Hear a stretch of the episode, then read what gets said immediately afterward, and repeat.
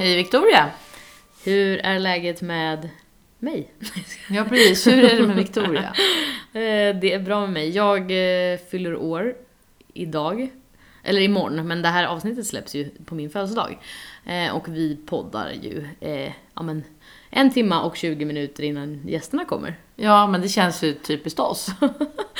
Ja, eh, vi eh, är inte i tid som vanligt. Men eh, det är i alla fall roligt. För att du ska ju vara med och fira mig ikväll. Eh, jag har bjudit lite kompisar. Eh, så att då tänkte vi, varför inte spela in ett avsnitt precis innan alla andra kommer? Och sen så... Eller var jag som tänkte det för att jag har haft så mycket att göra den här veckan. Sant. Så att jag tänkte att om vi ändå ska träffas så får vi ihop det. Men sen så har ju tiden runnit iväg som vanligt. Ja. Och våra ljudtest här när vi ska köra går ju sådär. Ja, tänk att det fortfarande är så svårt. Men eh, en, drygt en timme senare så är vi up and running helt Ja. enkelt. Eh, men så att eh, det är bra med mig. Och jag kommer lukta häst när gästerna kommer för att jag har inte ens hunnit byta om sen jag åkte tåg in hit för att jag blev försenad hemma. Men det gör ju ingenting, jag kan ju vara i duschen när de andra kommer. Ja, och vem är i tid? Sak samma. Hur mår du? Du har ju haft en helt eh, galen vecka. Eller sen vi liksom såg sist så har det hänt så mycket. Mm, det har hänt jättemycket. Eh, men jag mår bra. Jag har ju varit eh, i, på Irland först och köpt lite ponnyer. Det Berätta. Vi, ja, ska vi börja berätta om det Ja. redan nu? Ja. Eh, vi flög ju till Irland och Du och... jag och mamma. Mm. Och det är ju kanske jag har sagt här i podden innan, men mamma har ju gjort det här med sin mamma Mm. för nästan 50 år sedan. Mm. Eh, Så det här är ju, hon blir väldigt nostalgisk av det här och tycker att det är superroligt. Precis som jag, Mm. men jag tycker ju också att vi har ganska många ponnyer hemma nu så att eh, eh, ja, det är mest mamma som är pådrivande i ponnyköpandet just nu. Så att vi åkte till Irland i torsdags och då hade vi ju eh, stämt träff med en av de eh, uppfödarna och hästägarna som vi har köpt hästar av innan. Mm. Han heter Liam Filan och är eh, bror till en av de som sjunger i Westlife. Just det. Mm. Och hur många Nu skulle vi gånger... ha haft en sån här trudelutt med Westlife. Ja, men alla vet vilka Westlife är. Ja, det hoppas jag. Ja, jag kommer inte hinna klippa in en trudelutt med Westlife, så alla får nynna i huvudet. Eh, men hur många gånger har Nu ni... tänkte jag sjunga men det var kanske bra. Nej, vi skippar det idag. Ja. Eh, hur många gånger har ni varit på Irland nu igen? Mm, det här var fjärde året. Ja. Men mamma har ju varit där och köpt hästar Ja. fyra gånger innan dess ihop Mm. med sin mamma. Mm. Men det här var ju, det var ju länge sedan. Ja. Mm. Eh, så att då, eh, vi träffade Liam då och tittade på en ponny som han har fått upp. Mm. Eh, som hette Amber. Mm.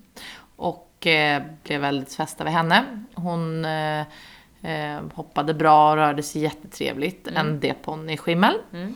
Och sen åkte vi vidare till ett annat ställe och där är en kille som jag köpt flera hästar av innan, bland annat Rose och Jude och eh, Tommy har vi köpt där. Eh, och där hittar vi en C-ponny som hoppade superbra. Hon heter eh, Amber. Mm. Så köpte vi henne där. Och sen så dagen efter så körde vi till ner till Clifton och det är ju själva Connemara-området liksom, heter Connemara. Och den här Connemara-aktionen med bara ponnyer med gröna papper då, en, ett grönt pass. Då är de full, fullt registrerade Connemarer. Eh, de är med på den här aktionen och den började då på lördagen. Mm. Och det är på samma ställe ja. ja, alltså där Westlife-killen bor och Nej. där aktionen är. Nej, det är typ eh, tre timmar ifrån Ah, varandra. okej. Så, ja, så man åker på roadtrip. Ja, så hela fredagen så kör man ju igenom, liksom, den heter, eh, eh, inte Sea Road, eh, ja, jo kanske. Mm. Jag har alltid velat åka till Irland. Och Den, alltså den är, vad skulle man kunna kalla den annars? E4. Ocean Road, Ja. kanske den heter. Ja. Så den går liksom längs vattnet. Mm. Mm. Den vägen. Och då pratar vi inte om att det är E4, utan vi Nej. pratar om att det är en, alltså en, en, väg utan filer. Mhm. Ja, alltså en smal väg. Ja, som man kört typ tre timmar på. Oj. Och eh, när man kommer in i Connemara, det är ju inte en stad eller det, det är ju Nej, som ett ett landskap liksom. Mm. Typ. Så när man kommer in i Connemara, då slutar ju staketen finnas. Ja. Så där går ju fåren bara rakt ut på vägen, över vägen. Så att helt plötsligt så kan det ju vara liksom så att 30 får som står längs med vägkanten och bara fortsätter käka när man kör förbi. Eller så går de på vägen liksom. Så då sitter man i tre timmar på helspänn? Nej, inte tre timmar, Nej. men sista timmen Ja. sitter man väl mer eller mindre på helspänn. Det är i och för sig precis exakt så som jag ser framför mig när jag tänker på Irland. Ja, sen har det hänt väldigt mycket. De har byggt nya vägar Mm. och nya staket och sånt där senaste året framför allt. Men det är ju fortfarande väldigt lantligt när man kommer in i Connemara. Mm. Jag tog någon bild när liksom, vi hade stannat längs med vägen och då så uppe på, för det är ju också, alltså det är typ fjordar. Mm. Så det ser ju ut som att man är i, Alperna eller det är liksom ja, väldigt kuperat. Och då uppe på en höjd liksom så står det två ponnyer som så här, vildhästar. Mm. Ja, Coolt. Ja, nej men så då eh, gick vi ju på auktion Mm. på lördagen. Och där hittade vi tre ponnyer. Mm. Ehm, en hette Lad, det var en vallack. Eh, en hette Lucy, Mm. ett sto. Och sen en till eh, eh, vallack som hette Drummy. Mm. Så att fem ponnyer totalt. Kul. Och sen så kom stormen eh, Dennis? Dennis. Och eh, vi trodde ju knappt att vi skulle komma hem Nej. på eh, söndagen. Så vi åkte jättetidigt. Det tar bara eh, tre och en halv timme från Connemara till Dublin. Men vi var ju så rädda att det skulle ligga träd på vägen och vara olyckor och sådär. Så vi åkte väldigt tidigt. Sen var flyget också försenat. Det var jättemånga flyg inställda men vi kom, kom med. Mm. Skönt. Sen kom jag hem på natten.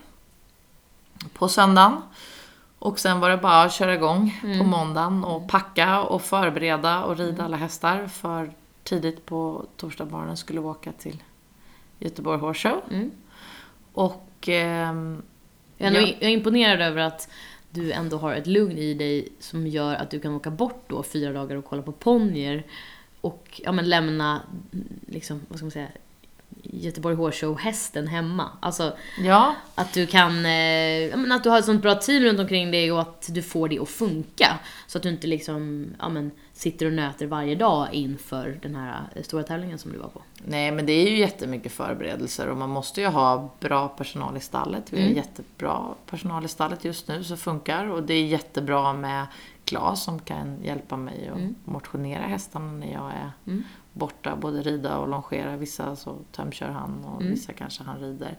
Eh, och sen att man kan lita på att eh, ja, jag har ju planerat så pass bra så skåpet stod redan färdigpackat Ja. när jag åkte till Irland. Mm. Men jag har också både mamma och Klas och Krille som kan rycka in om jag inte hinner bli klar. Mm. Vad jag gjorde fel, som jag insåg när jag var på väg till Göteborg, det var ju att jag också åkte och hade träningar, eh, sju lektioner på onsdagskvällen. Eh, och då hade jag inte riktigt koll på mina egna grejer när jag kom hem på onsdagskvällen. Så att jag blev väldigt sen på onsdagskvällen med liksom, Med allt annat. Ja, packa allting annat. Och så lite... Eh, var svårt när man var borta på onsdag eftermiddagen och komma tillbaka och bara styra om fokus. Men det, det gick också bra. Mm. Men det kanske är någonting jag ska ta med mig, att om man kan styra om det, att man inte behöver jobba sent kvällen innan man ska åka. Det är ju väldigt skönt om man slipper det. Ja, Och och det- sen, ja. Ja, men det är ju mycket så. Jag såg eh, där du har din häst hos Mm. Anna och William. Anna är nu i en månad i Portugal och tävlar. Mm. Och eh, Annas pappa hade lagt upp att det är han och William som kör hästarna till Mm. Portugal och att Anna flyger ner. Varför? Jo, för att hon är elitidrottare och hon ska inte bli trött. Hon ska fokusera på Mm. att tävla. Hon ska försöka sätta OS-kval i Portugal. Så att det är väldigt viktigt för henne att det går bra. Och då är det ju helt fantastiskt att det är människor som kan backa upp en så pass mycket att man då Ja, slipper köra men man ska ju inte själv. heller skämmas över att man gör en elitsatsning eller Nej. är en elitidrottare. Eh, I vår sport är det väldigt mycket så att Mm. man ska liksom göra allting själv. Och det, det har varit, tycker jag, i hela min uppväxt att eh, det här med att jobba hårt och man ska inte vara ledig och det är tidiga morgnar och det är slitigt. Och det är ju det, för annars får man inte gå runt. Men man ska inte heller skämmas över att våga prioritera sig själv och våga vara utvilad eller våga erkänna att man behöver vila för att kunna prestera. Det, det tycker jag är väldigt viktigt. För det är också det är farligt att köra om man är trött. Och den där dagen när man ska tävla, med all tid vi lägger och alla pengar vi lägger, då måste vi också vara fokuserade. För all, annars är allting förgäves. Så att vi måste våga ta oss själva på allvar och lyssna på oss själva också. Både när det gäller kost och träning och, och hälsa. Och det är en jättesvår balansgång, men eh, det tar jag med mig. Mm. Att eh, kanske inte försöka maxa det kvällen innan. Ja. Mm. Du sa ju att eh, Anna och eh, William, eller Anna är på väg till Portugal. Och William som rider min häst, han har ju eh, tyvärr gjort illa knät. Så att eh, min häst blir hemma eh, den här gången och får en lite lugnare period.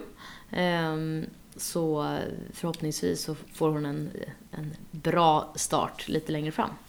Ja, men det blir kul att följa. Eh, Men sen eh, kom vi fram till Göteborg. Vi åkte, jag, mamma och Krille åkte i lastbilen. Mm. Och sen, eh, nej, jag, jag, mamma och Claes åkte i lastbilen. Och sen kom Krille efter med personbil. Mm. Han var kvar och fixade lite eh, på gården med att liksom köra fram foder och sådär. Mm. Och eh, jag hade ridit Tesla ett jättekort pass på morgonen först för att hon skulle vara liksom mjuk i kroppen och lite rastad. Och sen visade jag bara henne banan i lätt jogging på eftermiddagen när vi kom fram. Och den träningstiden var 16.30 till 17.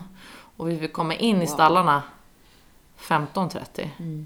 Och det låter ju rimligt när man läser ryttarmeddelanden att man ska kunna hinna det på En timme. Ja, men det var kö när vi kom fram. Eh. In i stallarna för att då, det var bilar som både lämnade och hämtade, eller åkte och kom samtidigt. Mm. Och sen måste väl hästarna typ kollas veterinär och... Exakt. Så först var det kö och sen kom vi in och då ska hästen kollas av veterinär när man går av lastbilen och man ska lämna över en sån här tempjournal. Och sen ska lastbilen köras till en parkering och man måste ha en shuttle service efter den som sen kör tillbaka en till tävlingsplatsen. Och sen måste alla akkreditera sig. Och det ligger på andra sidan av Skandinavium. Och allt det här ska ske då på 45 minuter plus att man ska klä på och göra ordning hästen. Eh, men jag måste säga det att det var fantastiska funktionärer. Mm. Alla hjälpte till jättemycket för att trots att det var så knappt om tid så fick man jättebra service. Alla var jättetrevliga och de packade eh, upp all utrustning och all packning på en vagn och körde bort det och de hjälpte till att den här bilen kom och hämtade oss så fort som möjligt. Vilken lyx. kunde parkera lastbilen. För det är ju annars någonting som man ibland, eller oftast får göra själv, ibland, som man vanligtvis får göra själv. Eh, I alla fall på de tävlingarna som jag har varit. Och det är ju väldigt tunga skåp man drar på, det är liksom ja, men foder som ska flyttas, Ja. det är all utrustning och liksom och ibland ska ju parkeringen vara jättelångt borta i förhållande till där hästen står. Ja. Nej men det, det var ett jättebra team som jobbade där. Det är alltid kul att se, speciellt när man är organisatör själv, och Ja. se ett annat team jobba. Så att de skötte det jättebra. Eh, och Tesla var jättefin Mm. på första träningen. Och sen åt vi middag med Teslas ägare på kvällen, Katarina och eh, Peter. Och sen eh, försökte vi gå och lägga oss i tid för att sen ringde klockan eh, fem på morgonen. För att sex var det ridtid inne på banan igen. Och det kan ju låta som att det är mycket då om att träna inne på banan två gånger. Men första dagen så hade vi bara en halvtimme och då var inga dressyrstaket uppe. Nej. Så andra dagen så fick vi träna med staket. Och det handlar ju mer om att här, visa banan, få hästen att känna in atmosfären. Och med en mer rutinerad häst så kanske det räcker att visa en gång. Precis. Men nu, Tesla hade ju, hennes sista tävling var i Flyinge, där eh, det var Charlotte Dujardin som var testryttare. Och då det ju inte du. Nej. Nej. och där blev hon ju jättespänd för att hon blev rädd eh, för högtalarna eller när publiken skrattade. Ehm, Så att hon hade inte så bra upplevelse då och därför kände jag att det var extremt viktigt för mig nu när jag hade bestämt mig för att rida i Göteborg att hon skulle få en bra känsla inne på banan. Eh, Och då ville jag ju ge henne så många tillfällen som möjligt att träna inne på banan innan. Så att vi eh, var klara i, med ridningen vid sju och sen så gjorde vi alla förberedelser till halv åtta. Sen gick vi till hotellet och åt frukost. Och vi, det fanns ett ryttarhotell som var ett Scandic men vi valde ändå att bo på Gotia Towers för det är närmast att gå till stallet. Eh, och eh, sen när jag sitter på frukosten så ringer Lina Dolk mig. Mm.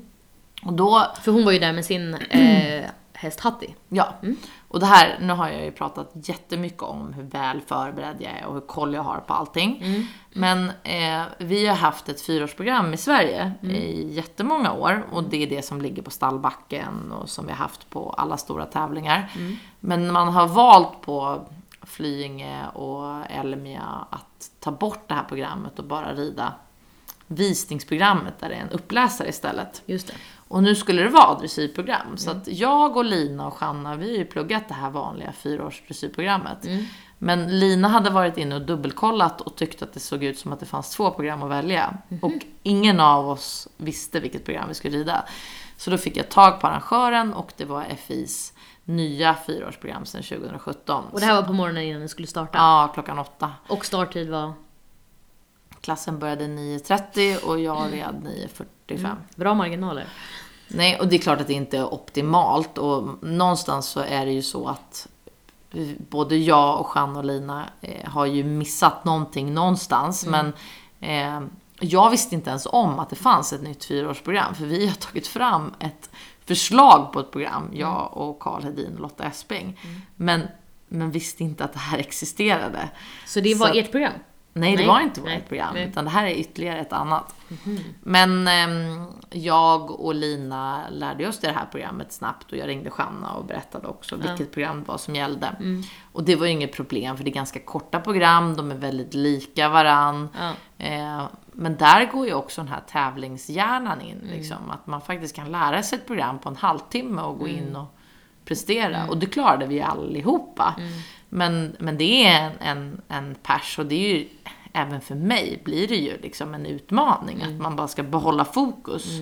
Ja, jag hade ju typ gått och spytt i ett hörn tror jag. Ja, men det, och det är det jag menar att det är ändå, jag tycker att man ska vara ärlig och berätta sånt här. För att det var inte supertydligt, för att då skulle inte alla vi tre ha missat Nej. det. Det är väl väldigt klart och därför tycker jag att sen jag som är kontrollmanisk borde kanske ha mm, tänkt det här eller liksom kollat upp en extra gång. Men det är också sådär när man har en rutin att gå in på något sånt som till exempel stallbacken så tror man ju att allt är uppdaterat där. Så slår man bara fyraårsprogrammet och så Ja, att... nej. Och jag, vi har ingen aning om, eller jag vet inte vem som ligger bakom stallbacken. Men jag Nej. vet ju att alla gånger jag har tränat i program så har det varit där. Ja. Men någonstans har jag ju kanske inte dubbelkollat vad det är för information som ligger där. Nej, men och det är kanske, det är ju det programmet. Mm. Det finns ett FI-program också för fyraåringar.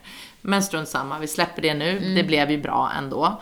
Ehm, och jag är jättenöjd med Teslas framridning. Mm. Jag hade kunnat ha ett par vassare sporrar, jag hade kunnat rida i ett högre tempo, jag hade kunnat ha en högre form, jag hade kunnat kräva mycket mer av henne. Mm. Men jag hade bestämt mig för att ge henne en bra upplevelse. Mm. Att rida mjukt och avspänt och kanske vara lite mer avvaktande som ryttare. Så att jag, det här var ju vår första start tillsammans. Inne på Göteborg Horse Show. Och du har inte haft henne så länge heller? Nej. Nej. Och därför kände jag att jag måste ju också lära mig Ja, hur hon är. absolut. Så att vi gjorde en, en mjuk och fin och avspänd runda och eh, jag hakar väl lite upp mig på att den här domarens kommentar var You can do more, sa han till mig. Okej. Liksom. Eh, att jag borde krävt mer av henne för att det finns så mycket mer att hämta. Och min känsla var bara, ja, men inte än. Nej. Jag vill inte kräva det än av Nej. henne. Och det var inte alls planen. Nej. Vilket är supersunt. Alltså, för unga hästar tar tid på sig, eller liksom man ska ta tid på sig med de unga hästarna och det är så viktigt att de får bra erfarenheter från allting de gör. För att liksom en, vad ska man säga, ett snedsteg kan ta en så många steg tillbaka. Ja, om hon hade fått först den här dåliga upplevelsen i Flyinge Mm. och sen fått en dålig upplevelse i Göteborg. Det kanske hade det kan ju förstöra så mycket för hennes framtida karriär. Så att det Verkligen. kändes väldigt viktigt för mig att hon skulle få liksom, mycket beröm och väldigt mjuk ridning. Mm. Eh, och eh, ja, det kan ju låta lite kaxigt liksom, men jag, jag har ju gjort det här många unghästfinaler och sådär. Mm. Och det, det spelar ju egentligen ingen roll eh, nästa år vart man var i Göteborg. Nej, Nu. såklart. Alltså man måste tänka lite Mm. så också. För att jag vill ju utbilda den här hästen så att den ska gå hela vägen till Grand Prix. Ja. Och då är ju det som ska vara, styra hela planeringen och träningen. Mm. Inte delmålen får inte vara avgörande. Liksom. Och det, det tycker jag, jag tycker att jag har lärt mig så mycket under tiden. Jag utbildar många hästar också, att jag kan vara mer lugn som tävlingsmänniska också. Alltså för mig spelar det ingen roll. Det var ju bara ettan som fick komma in på prisutdelningen då. så spelar det egentligen ingen roll om man är tvåa, tre eller fyra. Och jag fick prispengar och sett i alla fall. Så att mig gör det verkligen, alltså det Nej. spelar verkligen ingen roll. Och Tesla har fått en eh, otrolig erfarenhet för framtiden. Ja, och det var ju viktigare än någonting annat. Mm. Och du har haft, ändå fått rida i Skandinavium igen. Ja. Alltså, Ja. Så att jag är supernöjd. Mm. Och eh, jag säger då till eh, Kristoff Häst där som sa eh, att det finns mer, det vänta bara. Att du ska få se, men inte än. nej. Ja, så det var kul. Mm.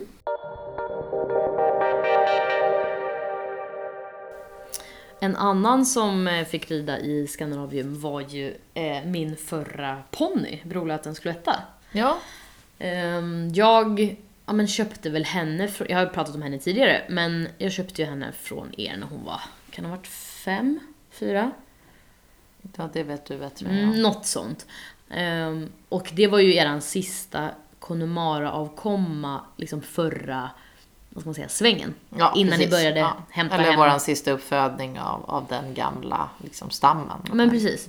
Eh, och eh, då köpte jag ju henne eh, liksom en dressyrstammad pappa, Junior Rory, jättefin. Som du har tävlat väldigt mycket. Eh, och, sen, EM och SM och ja, NM. Och sen så hade hon väl då en hoppglad mamma och det visade sig att hon hade fått mer, mer hopp eh, mamma än Juno kanske. Hon rörde sig väldigt trevligt. Men vi eh, började ju tävla dressyr lite och eh, hon var väldigt spänd och liksom trippig. Och så insåg vi bara att, ja men varför åker vi inte ut och tävlar och ger henne lite rutin på tävlingsplats i form av liksom lätt D-hoppning istället. Så då fick ju jag liksom sadla om bokstavligt eh, och, och ut och hoppa lite. Och sen så eh, gick det jättebra och det var jättekul så vi avancerade liksom uppåt i klasserna och sen så som bäst så hoppade vi ja, men medelsvår B och kvalade medelsvår A och sen var jag tyvärr för gammal för att rida ponny. Eh, Men jag hade ju henne under liksom många eh, och helt fantastiska år. Men var det inte så att du kvalade till SM men du red aldrig SM? Eller? Jo, jag hade ju rent krasst satt SM-kval då i och med Ja. att jag hade kommit så pass långt på någon vänster. Kommer inte riktigt ihåg, det var ju så länge sedan. Ja, men jag har för mig att det var. Ja, men och så här, det var ju helt fantastiskt att den här dressyrponnyn helt plötsligt bara gick och levererade i hoppningen. Eh, och den värsta dagen i mitt liv var väl förmodligen när jag sålde henne. Eh, Ja, det var ju, jag tänkte på det. Vi pratade ju om eh, när Lina berättade om hur tungt det var för henne när hon blev av med oj oj. Så vet jag att din inställning var ju ungefär samma sak. Du kom hem till mig för du hade ingenstans att göra av eh, Cloettas saker som du hade kvar. Nej. Så du lämnade alla tecken och ja, du har fortfarande lådor kvar med, med saker efter Cloetta. Men när du lämnade dem så sa du att jag vill aldrig göra det här igen. Jag vill inte vara hästägare för att det är så jobbigt att ta farväl. Um, Och jag vet att när vi körde, för att hon hamnade på ett jättebra ställe. Eh, det var en tjej som hette Amanda som tog över den efter mig och vi tävlade liksom mot varandra. Och Amandas pappa, eller Amandas mamma och min pappa jobbade eh, på samma ställe vid den här tiden. Så de hade lite kontakt. Och när de insåg att jag där i november hoppade min sista tävling och blev placerad och de insåg att nu är du för gammal för att tävla den här fantastiska hopphästen. Så de ställer liksom försiktigt frågan, är hon till salu? Och jag hade ju inte kunnat med att säga det innan, men så var det bara så här, ja det är hon. Och då fick den här Amanda liksom köpa henne, för att jag orkade inte ens liksom försöka lägga ut henne på annons och liksom kränga henne för massa pengar. Utan det var bara, men jag vet att hon kommer till ett bra ställe, ehm, för att det är bra människor jag kan hålla kontakt med dem. Och det var jättekul och de hade jättemycket framgång. Jag tror de också startade SM sen. Eh, och det har ju den här ponnyn gjort flera gånger och hon har placerat sig på SM efter det. Men problemet med alla ponnyer är ju att ryttarna växer ur dem ofta. Ja. Det här var ju en C-ponny så att eh, hur bra ryttare de än hamnar hos, så liksom att jag växte ur henne så gjorde ju nästa ryttare det och Ja. nästa. Eh, men nu är hon 21 år gammal och har hamnat hos en tjej i Flen. Ja. Eh, så jag måste ju åka och hälsa på henne, eh, för hon står ju väldigt nära där ni bor. Eh, men På Klas gård som på Klas gamla också. gård ja. det är så himla, alltså världen är liten. Och det är jättehäftigt.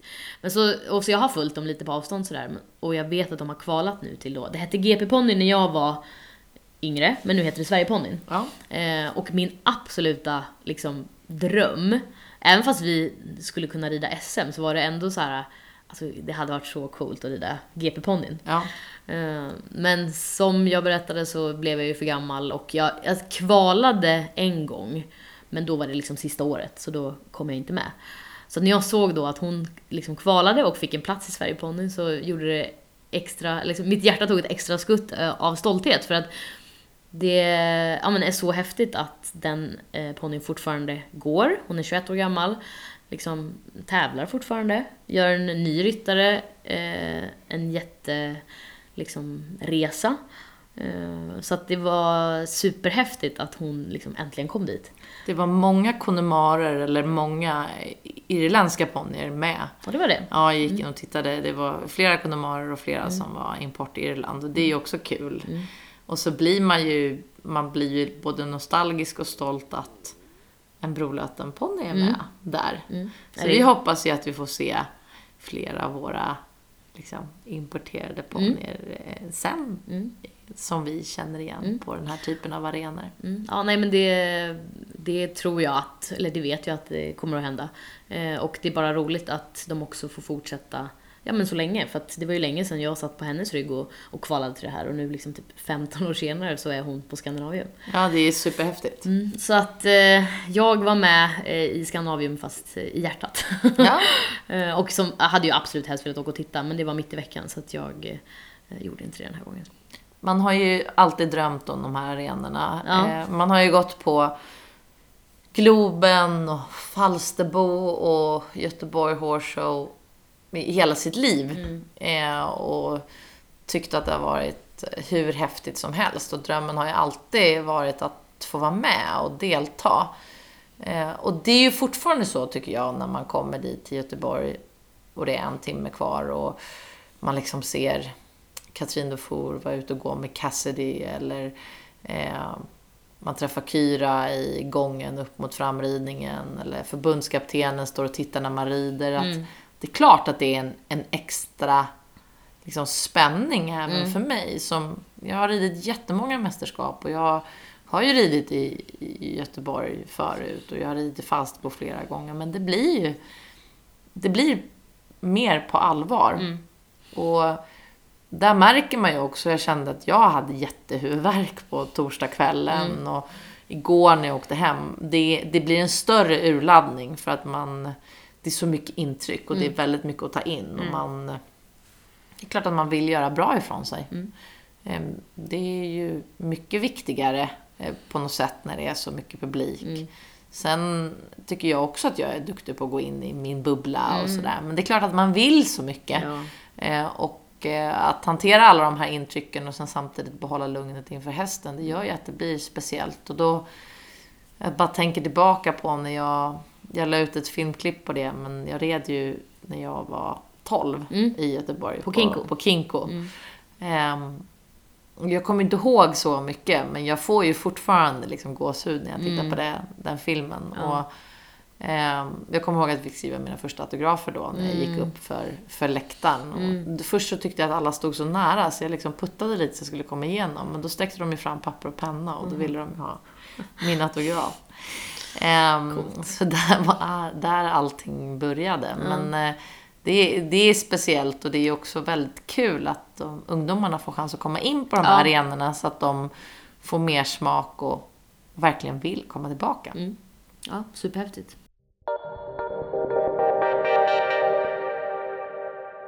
Jaha, du är ju på väg eh, eh, bort igen.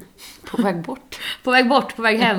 Nej men du är, eh, du är på språng snart. Ja, det är helt sjukt. Jag känns som att jag hela februari kommer jag ha bott i en resväska. På riktigt alltså. Eller jag har ju flera resväskor. Ja, du har bott i någon form Jag har av en packning. väska här nu också. Ja, nej, men det är ju ingen idé att packa upp necessären om vi säger så. För Nej. att jag har verkligen varit på resande fot. Och nu är jag hemma i två dygn. Mm. Och sen på måndag morgon så rullar vi mot Skövde Mm. igen. Eller igen, iväg igen. Och då med stora hästlastbilen. Mm. Så anledningen till att jag var försenad idag när jag skulle åka tåg in hit till dig, det var ju att vi försökte skruva ihop alla vattenslangar i hästlastbilen och fylla den med vatten och sätta på värmen för att vi ska bo i hästlastbilen en vecka nu. Och vi brukar vintra den. Så att man skruvar isär allting. Okej. Eh, och det är inte bara en kran, liksom, utan det är ganska många ställen man skruvar isär på för att det inte ska frysa. Ja. Så att nu gjorde vi i ordning den och som vanligt tar ju det lite längre tid än man har tänkt sig. Mm. Och pappa är expert på det där men han tycker inte att det är så kul så att man behöver vara eh, moraliskt stöd och supporta honom. Mm. Så att lastbilen är nu i ordning gjord. Mm. Eh, Zlatan känns jättefin. Han heter Labyrint CML om det är någon som vill följa honom där Men- nere på bruksprovet. Varför kallas han Zlatan? Därför att hans ägare eh, tycker alltid att han har sett ut som en Zlatan. Och han har väldigt mycket Ja. Zlatan, Attityd. attityd. Ja, han tycker att han är störst, bäst och vackrast. Ja. Eh, han har jättebra självförtroende. ja, så ni ska rulla ner mot eh, bruksprovet? Ja, som i år går på Grevagården, Mhm. inte i Flyinge. Nej. Spännande. Ja, det blir jättekul. Ehm, Där har jag tävlat förut. Ja. För länge sedan. jag också, det var min första tävling i livet då jag var sex år gammal. Så jag- förhoppningsvis har det hänt lite med Ja. Grevagården sen jag var där sist. Ehm, men då är det exteriörbedömning och veterinär på tisdag, löshoppning onsdag, dressyr torsdag. Och så på torsdagskvällen så annonserades det vilka hingstar som har gått vidare till fas 2. Mm.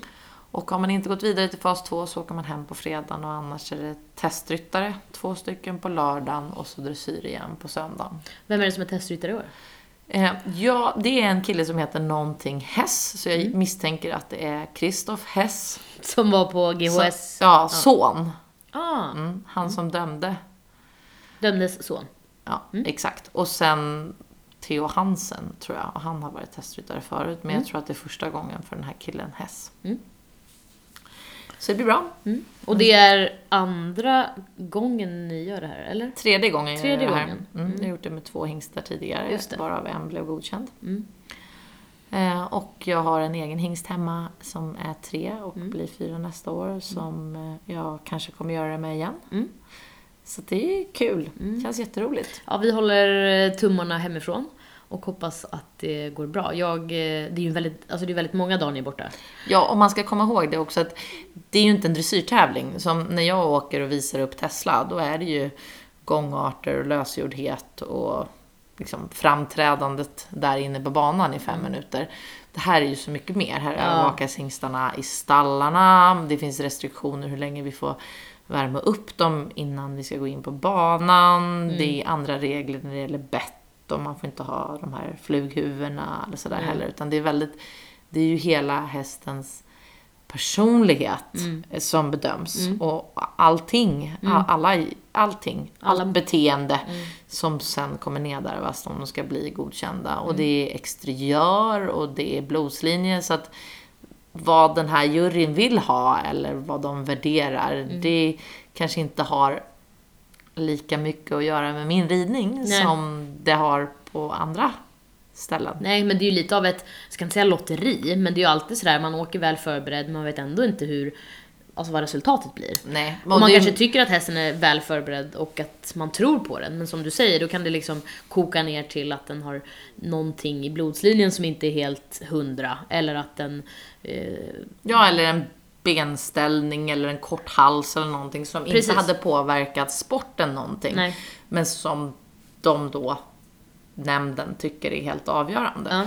Eh, och eh, det kan man ju ta reda på innan att man frågar väldigt många experter. Men Mm. han har ju blivit rekommenderad vidare. Vi har inte visat honom på rådgivande bedömning men vi har visat honom på tre års Mm. där två domare rekommenderade oss att visa honom Mm. som hingst. Så att, eh, och sen var han ju väl framme. Han var ju sjua på treårsfinalen i Flyinge. Så Mm. att han har ju gjort resultat och han har en väldigt fin hingstmodell. Så att, eh, vi får se hur många av de här parametrarna som faller väl in. Mm. Men det enda man kan säga är att man har ingen aning eh, under resans gång om Nej. det gått bra eller dåligt. Som när man har ridit dressyrprogram, då vet man ju först när man hälsar så vet man det här var bra eller dåligt. Men sen får man ju direkt feedback. Mm. Här kommer du inte veta under tiden hur det egentligen går. Nej. Jobbigt ändå. Ja, det är jobbigt. Men, och det betyder ju att allting är ju liksom klart ja, men, om en vecka från nu. Eh, och vi kommer ju förmodligen att prata om det här i podden, men det kanske kommer då om två veckor eftersom Ja. att vi ju släpper på söndagar så vi måste spela in innan det. Mm. Ja, nej men vi håller tummarna hemifrån och försöker följa så gott det går. Ehm, och sen så hoppas vi att han sköter sig och Ja. att du rider bra, Ja. som vanligt. Mm.